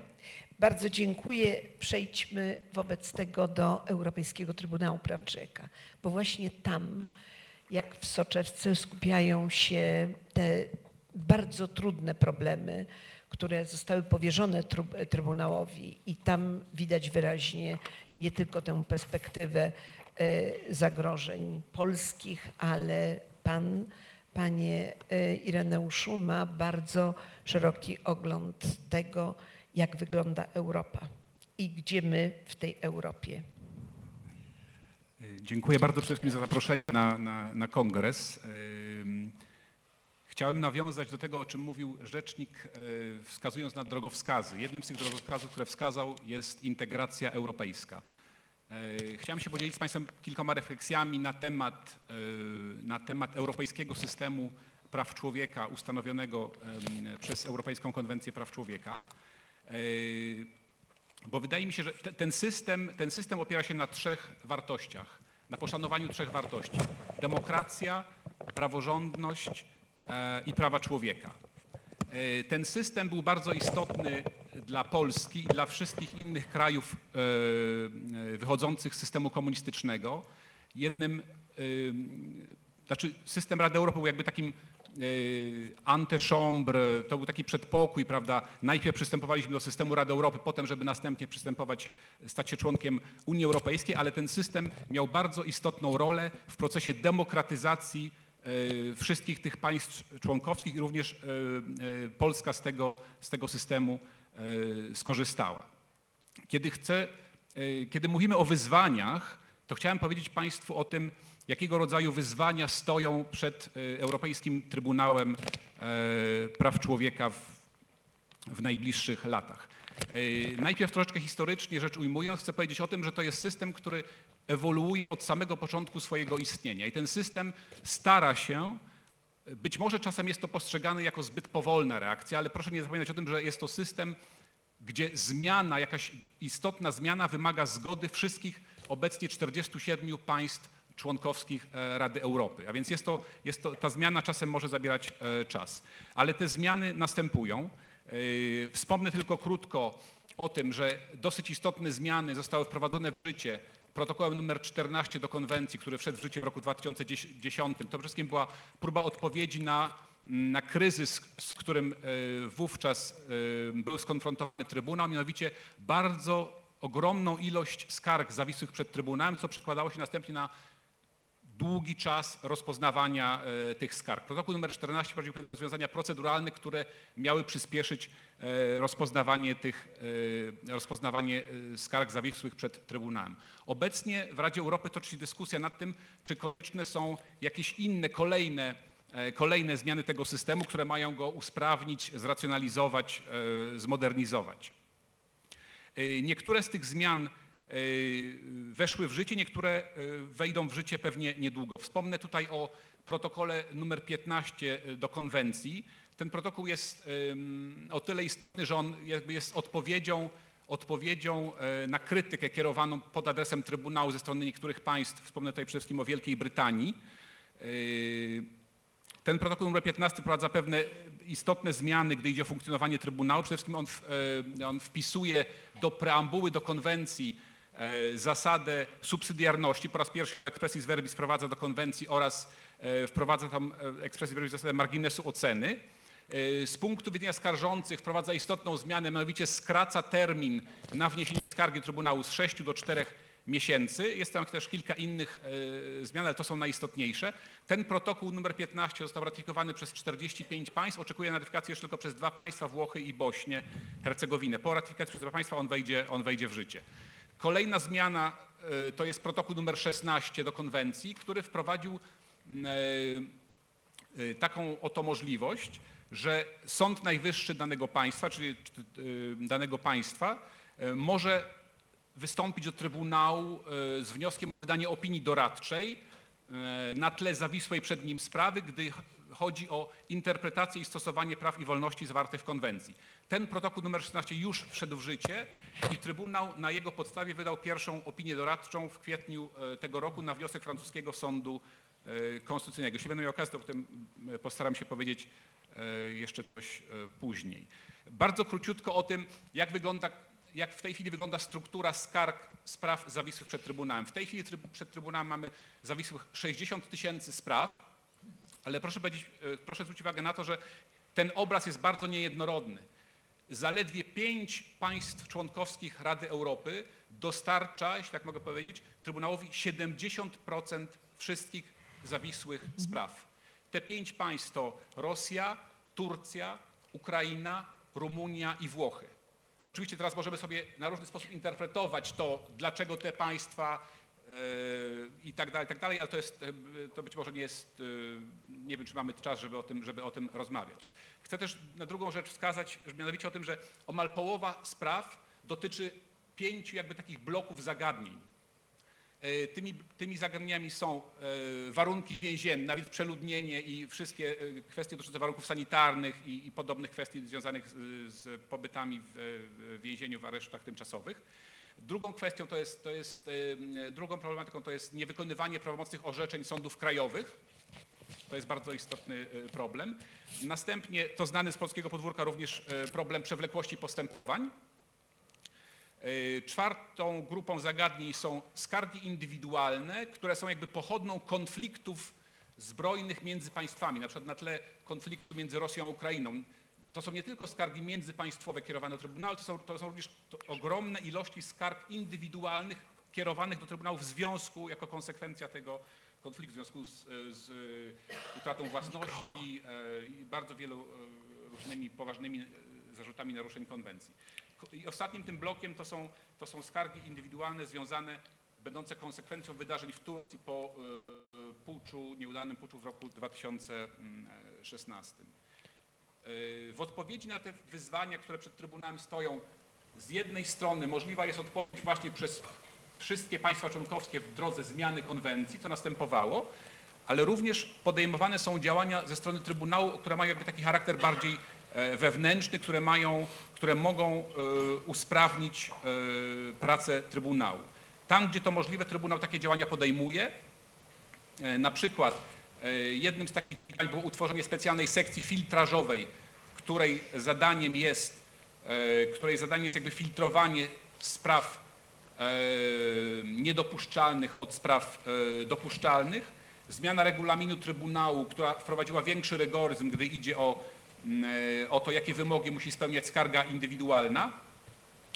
Mamy tak również wprowadzoną w Trybunale kilka lat temu politykę priorytetyzacji, priority, y, priority policy, która wskazuje na to, że nie rozpoznajemy skarg według chronologicznego porządku, w jakim one wpłynęły do Trybunału, ale bierzemy pod uwagę zagadnienie, które jest stawiane Trybunałowi skardze. Im bardziej istotny zarzut naruszenia, tym sprawa jakby znajduje się w wyższej kategorii. E, Będzie rozpoznawana priorytetowo. I Tytułem przykładu, w sprawie, w której mamy zarzut naruszenia artykułu 2 prawa do życia, y, artykułu 3 e, zakaz tortur, te sprawy traktowane są jako sprawy e, priorytetowe. Jest jeszcze wiele innych e, inicjatyw, które są na poziomie Trybunału e, realizowane i wprowadzane w życie. Natomiast cały czas istnieje, jest, jest pewne wyzwanie przed Trybunałem, jeśli chodzi o czas rozpoznawania spraw merytorycznie zasadnych, bo tutaj, tutaj ta kwestia jeszcze wymaga cały czas podjęcia dalszych, e, dalszych starań. Ja, jeśli będzie możliwość, Tak. w drugiej części chciałem powiedzieć o kilku jeszcze Tak. szczegółowych kwestiach, które stoją przed Trybunałem. To Tak. była jakby kwestia samego Trybunału. Dziękuję. Więc y, w zasadzie moglibyśmy powiedzieć, że tak, pracujemy i Trybunał pracuje nad różnymi metodami, wprowadza metody zwiększenia efektywności pracy. Tylko nie jestem pewna, czy te działania są działaniami, y, które pozwalają jednostce lepiej od, odnaleźć się w przypadku, kiedy jednostka składa skargę do Europejskiego Trybunału. Kiedyś braliśmy udział w reformie dotyczącej właśnie filtrażu, tak zwanego filtrażu. Y, Był to taki projekt Trybunału i muszę powiedzieć, że Mam takie nieodparte wrażenie, że od wielu lat raczej dostęp do Europejskiego Trybunału jest coraz trudniejszy dla jednostki, coraz trudniejszy. Co więcej, y, mam też takie wrażenie, że to jest bardzo duży problem z przewlekłością postępowania już na etapie Trybunału. Niedawno rozmawialiśmy o sprawach, które są zawisłe przed Trybunałem Polskich 8 lat. Także to jest duży, duży problem. Ale chciałabym też poprosić pana rzecznika o y, komentarz. E, Szczęśliwie mam mikrofon podłączony. E, Bardzo serdecznie dziękuję za te e, głosy. Ja faktycznie myśląc o tym, co mam powiedzieć na, na koniec kongresu, zastanawiałem się, jak przemówić do sumień politykom. E, I jak e, spowodować, że my faktycznie zaczniemy na poważnie rozmawiać o tych rzeczach które, i problemach, które są do e, rozwiązania. I teraz nie chciałbym tutaj dalej podążać, drążyć kwestie czy to zmiany klimatu, czy nowych technologii, czy młodzieży demokracji. Ja bym wrócił do tej kwestii integracji europejskiej i do tego, o czym mówił pan mecenas Ireneusz Kondak. Ponieważ możemy na różne sposoby rozmawiać o tym, jak Trybunał próbuje sobie radzić z rzeczywistością, tak? Ale możemy sobie też zadać pytanie, no dobrze, ale jaka jest polityka Polski w stosunku do Europejskiego Trybunału Praw Człowieka i Rady Europy? No bo skoro stworzyliśmy organizacje międzynarodowe, instytucje, e, sądy, e, które mają się zajmować sprawami e, obywateli, to od nich to powinniśmy też się zacząć zastanawiać, w którym kierunku one ewoluowały i czy nie następuje rozdźwięk między tym, co jest na co dzień, a tym, co powinno być. E, Co więcej, jak przypomnimy sobie lata 90., to Polska odgrywała niezwykle aktywną rolę, jeżeli chociażby chodzi o kształtowanie przyszłości Rady Europy. Była wielka konferencja międzyrządowa e, w Warszawie. I teraz jakby zostawiając z boku nasze aktualne problemy, bo ja zakładam i mam taką nadzieję, wiarę, że to jest choroba, która minie i wrócimy do grona tych państw, które zaczną nadawać e, ton dyskusji. Co więcej, że ta nasza choroba będzie, mm, e, można powiedzieć, naszym świadectwem, że potrafiliśmy sobie poradzić i mamy zupełnie inne doświadczenia niż wiele innych państw e, członkowskich Unii Europejskiej. Ale zakładając, że ta choroba minie, to ja bym oczekiwał, że my także zadbamy o instytucje europejskie. E, I nawet na poziomie liczb, jakbyśmy sięgnęli, no budżet Europejskiego Trybunału Praw Człowieka jest bodajże pięcio czy sześciokrotnie niższy niż Trybunału Sprawiedliwości Unii Europejskiej. W Radzie Europy mamy kłopot e, z niektórymi państwami e, członkowskimi, co powoduje podważenie legitymacji całego systemu. No bo jak można na poważnie dyskutować o prawach człowieka, e, praworządności i demokracji, jak w Turcji siedzą, siedzą więźniowie w więzieniach, jak prawnik nie może się odezwać, bo ryzykuje więzieniem, e, a poważni prawnicy, którzy strzegą praw człowieka w Rosji, najczęściej muszą wybierać e, emigrację. Tak? No to jest rzeczywistość naszego, e, naszego kontynentu i te przykłady można by mnożyć. I teraz ja uważam, że to, to jest nasza także odpowiedzialność naszych polityków, aby zadbać nie tylko o nas, ale też o e, instytucje e, europejskie i nie sprowadzać tego tylko i wyłącznie do e, Unii Europejskiej, ale także właśnie do Rady Europy, także być może do wzmocnienia jeszcze większego OBWE, do aktywnego uczestnictwa w strukturach NATO. Tak czy, tak czy siak, czy tego chcemy, czy nie, jesteśmy w tej części Europy, jesteśmy między dwoma światami, mamy określone wyzwania geopolityczne. Te wyzwania geopolityczne, co więcej, się zmieniają ze względu na Chiny, o których, e, o których e, mówiłem, ze względu na wzrost autorytaryzmu w niektórych e, państwach, Brazylia, która też zmienia, można powiedzieć, dynamikę, o której dyskutujemy, ze względu oczywiście na aktywną rolę e, Rosji i widzimy, co się dzieje e, w okolicach na Półwyspie Arabskim czy na Bliskim Wschodzie.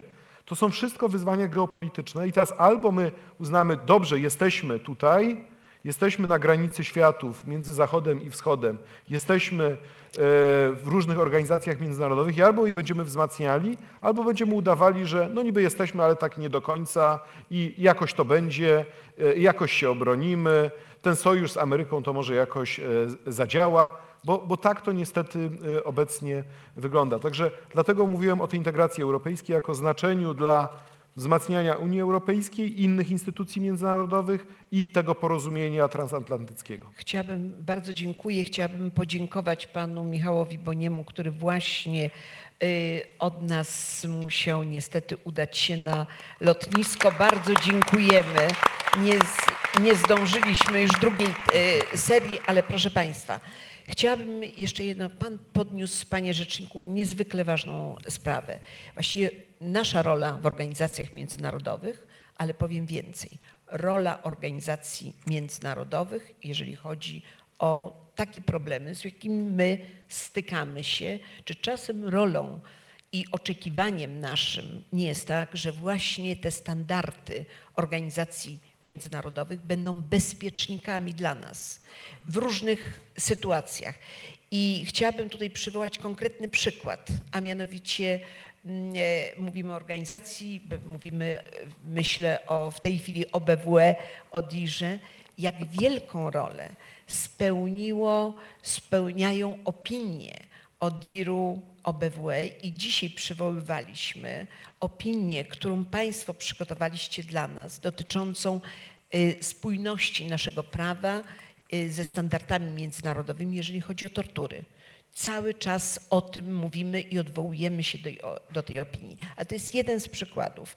I myślę właśnie, chciałabym powiedzieć, y, że tu musi być mocna rola, oczekujemy takiej mocnej roli i mocnego głosu organizacji międzynarodowych i oddaję głos pani Katarzynie Garda- Gardabchadze. Ja może powiem tak, spróbuję postawić most między tym, co powiedział pan rzecznik i tym, co powiedziała w tej chwili pani profesor Machińska. Organizacje międzynarodowe są tylko o tyle silne, o ile silna jest wspólna dobra wola wszystkich krajów biorących w, nim, w nich udział. Jeżeli tej wspólnej dobrej woli nie ma, albo jeżeli nie jest ona jednorodna na wszystkich frontach, to również możliwości działania organizacji międzynarodowych, zwłaszcza takiej jak moja, której działania opierają się na zasadzie konsensusu, są również w dużej mierze ograniczone. Chciałabym powiedzieć, odnieść się troszeczkę do tego, o czym mówił pan rzecznik, jeżeli chodzi o drogowskazy, bo tutaj wydaje mi się, że, że tutaj właśnie organizacje takie jak moja, ale nie tylko, mogłyby odegrać rolę. I tak sobie myślę, jeżeli ja bym miała wybrać trzy rzeczy z tych drogowskazów, to zaczęłabym od wspólnotowości.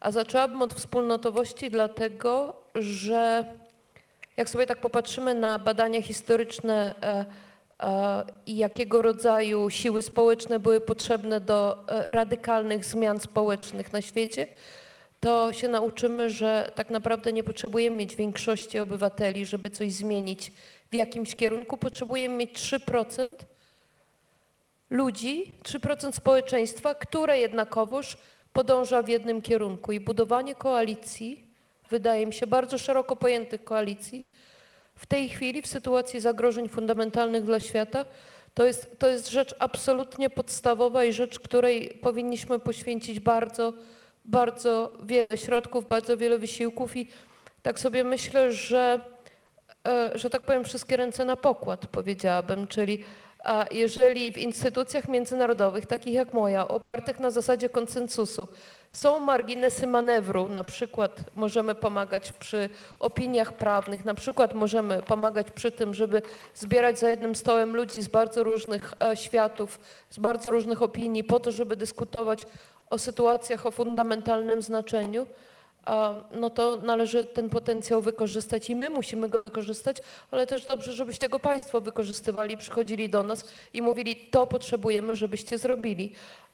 I my się też musimy dużo nauczyć, bo też jest troszeczkę tak, jak niedawno powiedział mi profesor Fukuyama, że organizacje międzynarodowe to jest taki słoń w klatce, e, która jest zasłonięta e, czarną szybą. Słoń się nie może w środku ruszyć, ale nikt do środka nie może zajrzeć i zobaczyć, czy on już się ruszył.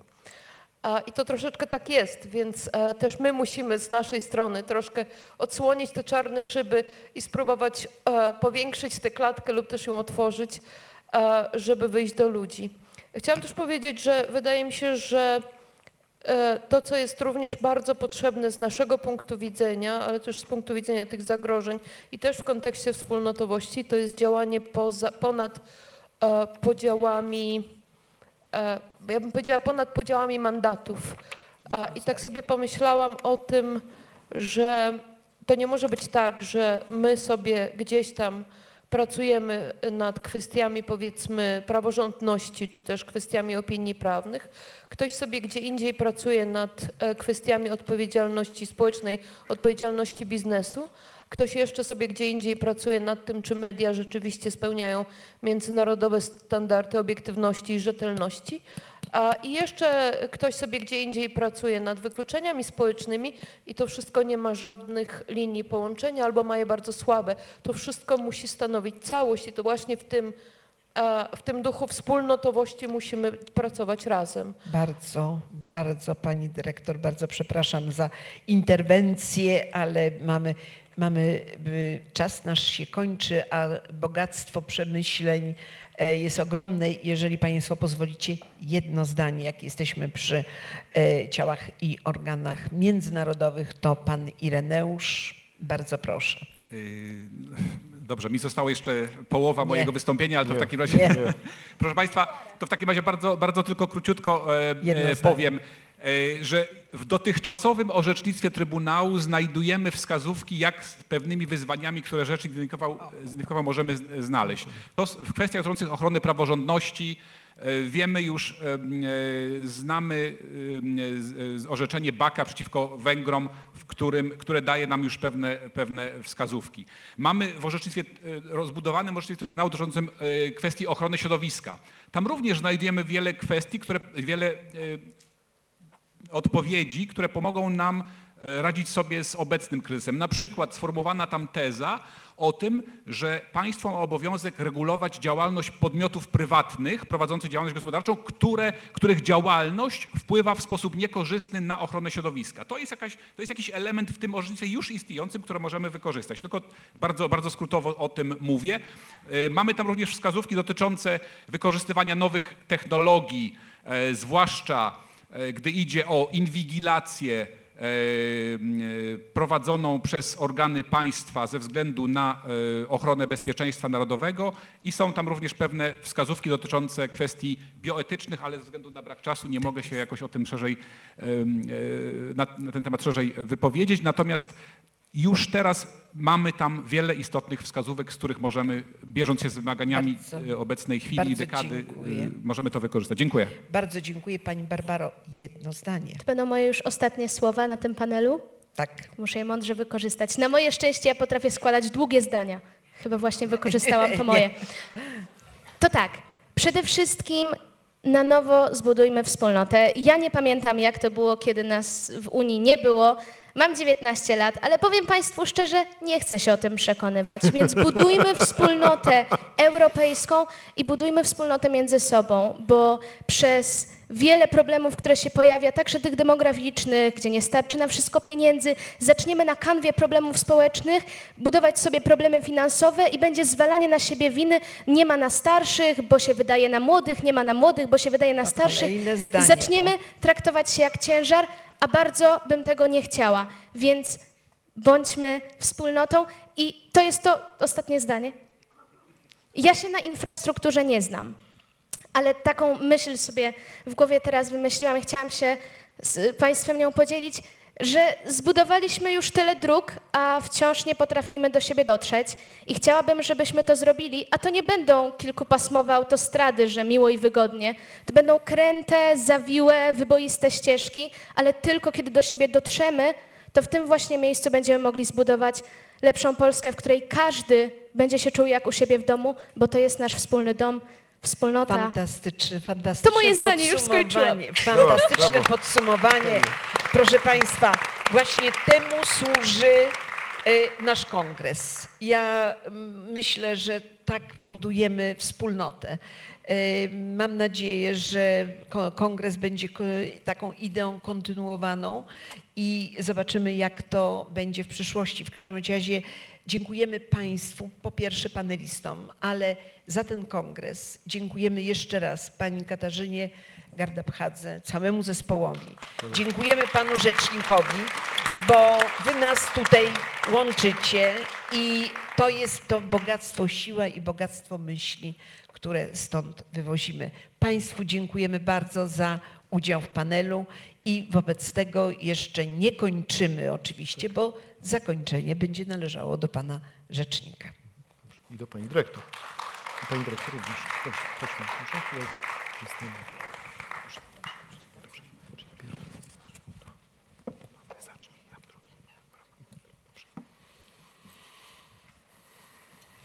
Ja może powiem, że to jest e, większy honor e, e, i taki, powiedziałabym raczej z taką, e, e, nie wiem jak to powiedzieć po polsku, humility. E, e, czy- no nawet nie, z- nie z czułością, chociaż no to tak teraz nawiązuje do No ostatnich właśnie. wydarzeń.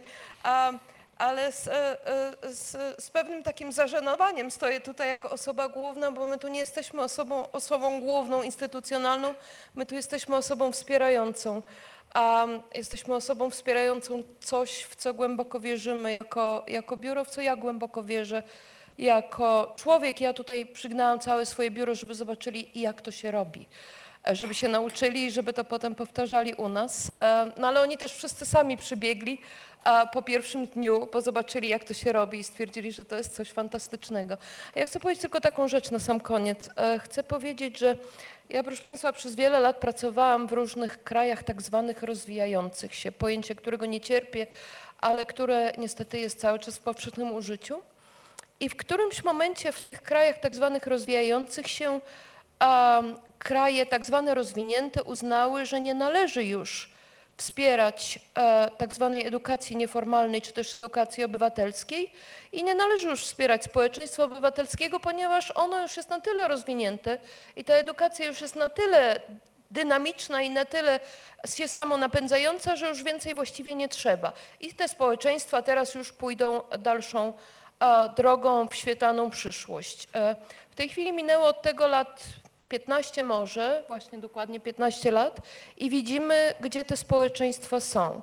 Natomiast widzimy również na przykład Finlandię. Finlandię, która od wielu, wielu lat e, znajduje się na pierwszym miejscu, jeżeli chodzi na przykład o e, społeczną, że tak powiem, odporność na tak zwane fake news. Znajduje się w pierwszym miejscu dlatego, że Finlandia zmieniła absolutnie sposób, w jaki wychowuje swoich przyszłych obywateli i w jaki edukuje swoich obywateli dorosłych. Finlandia postawiła na krytyczne myślenie, postawiła na przywództwo włączające, na przywództwo, które jest cechą każdego człowieka, jest współodpowiedzialnością, współakceptacją, jest oparte na szacunku, na empatii, na współdziałaniu. Finlandia postawiła na edukację, która pozwala człowiekowi odnajdować się w sytuacji, a nie po prostu zapamiętywać fakty. I to jest ten rodzaj przywództwa, którego nam strasznie brakuje. My cały czas żyjemy, proszę Państwa, w Europie, w, w, nie w Europie, ale w świecie supermenów. Patrzymy na supermenów i szukamy, do którego supermena nam najbliżej i gdzie będą wobec tego nasze lojalności. Stoi obok, dokładnie. Ale, ale, ale ci supermeni często nie przedstawiają tych wartości, za którymi warto iść, bo te wartości uratują świat. Jeżeli tacy są, to też jest to zasługa całego zespołu, to nie jest jeden człowiek, proszę mieć to na uwadze. Więc e, bądźmy, uczmy się świadomej odpowiedzialności, świadomego przywództwa i uczmy tego innych. Ja myślę, że trzeba wrócić, proszę Państwa, do pracy u podstaw. Trzeba wrócić do wspierania organizacji i inicjatyw pozarządowych. Trzeba budować koalicje, trzeba wrócić do edukacji na każdym poziomie, w każdym zakresie, nie tylko w szkołach, nie tylko w uczelniach, nie tylko dzieci, ale także ludzie dorośli, nieformalne, e, wychodząc do ludzi, uczmy się, jak być współodpowiedzialni za to, co może nam się bardzo, bardzo, bardzo szybko zawalić, albo co możemy uratować. A, ja mam, ja mam. E, Szanowni Państwo, e, zbliża się e, zakończenie kongresu. Chciałbym Państwu bardzo serdecznie podziękować za te dwa niezwykle intensywne dni, za te wszystkie debaty, panele, debaty, panele, sesje, warsztaty, spotkania, które się odbyły w czasie kongresu, ale także które odbywały się i w kawiarni międzypokoleniowej, i w Domu Ukraińskim, e, i w kawia- kawiarni Radio i Telewizja. Zresztą tam jeszcze, o ile pamiętam, e, będzie o 19.30 jeszcze jedna debata z udziałem pani e, Marii Eichhardt-Dibuła oraz e, profesor Moniki Płatek, promocja e, książki na temat e, osób skazanych, które następnie były uznane niewinnie. Także kongres jeszcze tam o 19.30 będzie żył, jakby Państwu było mało. E, Bardzo serdecznie e, cieszę się, że mogliśmy się przez te dwa dni e, widzieć. E, Moment zakończenia kongresu to jest moment e, przede wszystkim e, nie tyle na podsumowania, bo to już Państwo mieli okazję e, wysłuchać pod względem merytorycznym, ale przede wszystkim jest to moment na podziękowania. E, Chciałbym przede wszystkim podziękować wszystkim osobom, które przyjęły nasze zaproszenie do udziału w kongresie, wszystkim znamienitym gościom, panelistom, panelistkom, uczestnikom, uczestniczkom, a szczególnie tym, którzy do nas przyjechali e, z daleka, naprawdę e, z daleka. Chciałbym bardzo serdecznie podziękować naszej, naszemu partnerowi, Biuru Instytucji Demokratycznych i Praw Człowieka Organizacji Bezpieczeństwa i Współpracy w Europie. Pani dyrektor, wielkie podziękowania za Pani pracę oraz pracę całego zespołu i za to, że byliście nas partnerami. Szanowni Państwo, e, Kongres e, był przygotowywany w zasadzie od poprzedniego kongresu. To znaczy my zaraz po tym, jak się odbył poprzedni, drugi kongres, mieliśmy spotkanie w biurze, gdzie się zastanawialiśmy, co poszło nie tak, co poszło dobrze. I w zasadzie ten proces przygotowywania trwał przez e, cały rok. Oczywiście był e, bardzo taki, powiedziałbym, intensywny w ciągu ostatnich miesięcy, ostatnich tygodni. I chciałbym bardzo serdecznie podziękować wszystkim pracownikom Biura Rzecznika Praw Obywatelskich, którzy merytorycznie, ale także pod względem technicznym, koordynacyjnym przygotowywali dla Państwa ten kongres. E, Nie tylko układając e, program, nie tylko aranżując te wszystkie wydarzenia, ale także dbając o to, aby się Państwo tutaj czuli jak u siebie, żeby się Państwo czuli w miejscu, w którym Państwo przyszli, aby debatować, rozmawiać o stanie przestrzegania praw człowieka. Miałbym teraz apel, żeby pracownicy biura wstali i pomachali i Państwo im, można powiedzieć, wynagrodzili wysiłek. Dobra? Okej. Okej. No właśnie. Dobrze.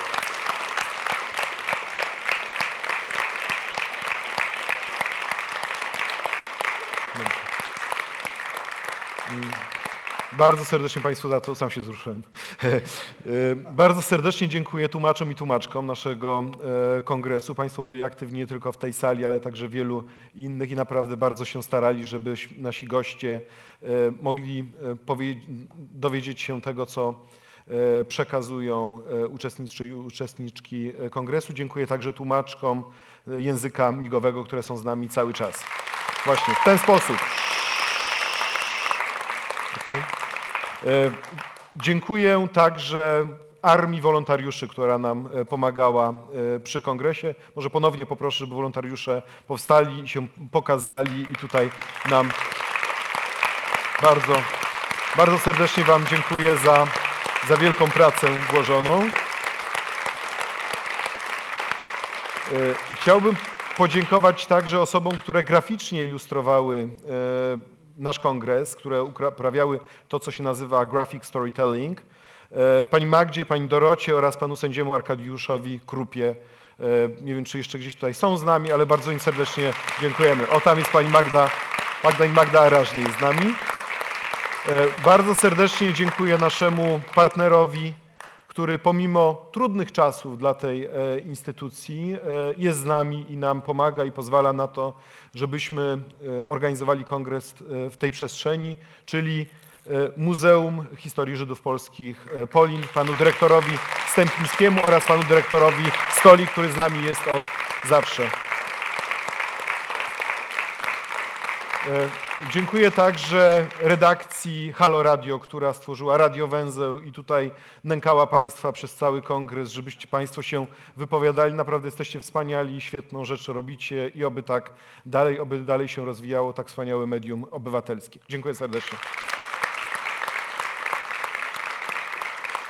I Chciałbym na sam koniec życzyć nam wszystkim, aby przy organizowaniu kolejnych wydarzeń nigdy nie zabrakło ludzi tak oddanych, pełnych poświęcenia i chętnych do współpracy, bo bez tego zaangażowania zorganizowanie kongresu nie byłoby możliwe, nie byłoby możliwe z tak wieloma punktami programu.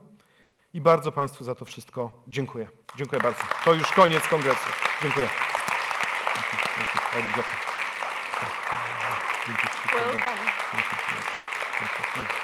Dzięki.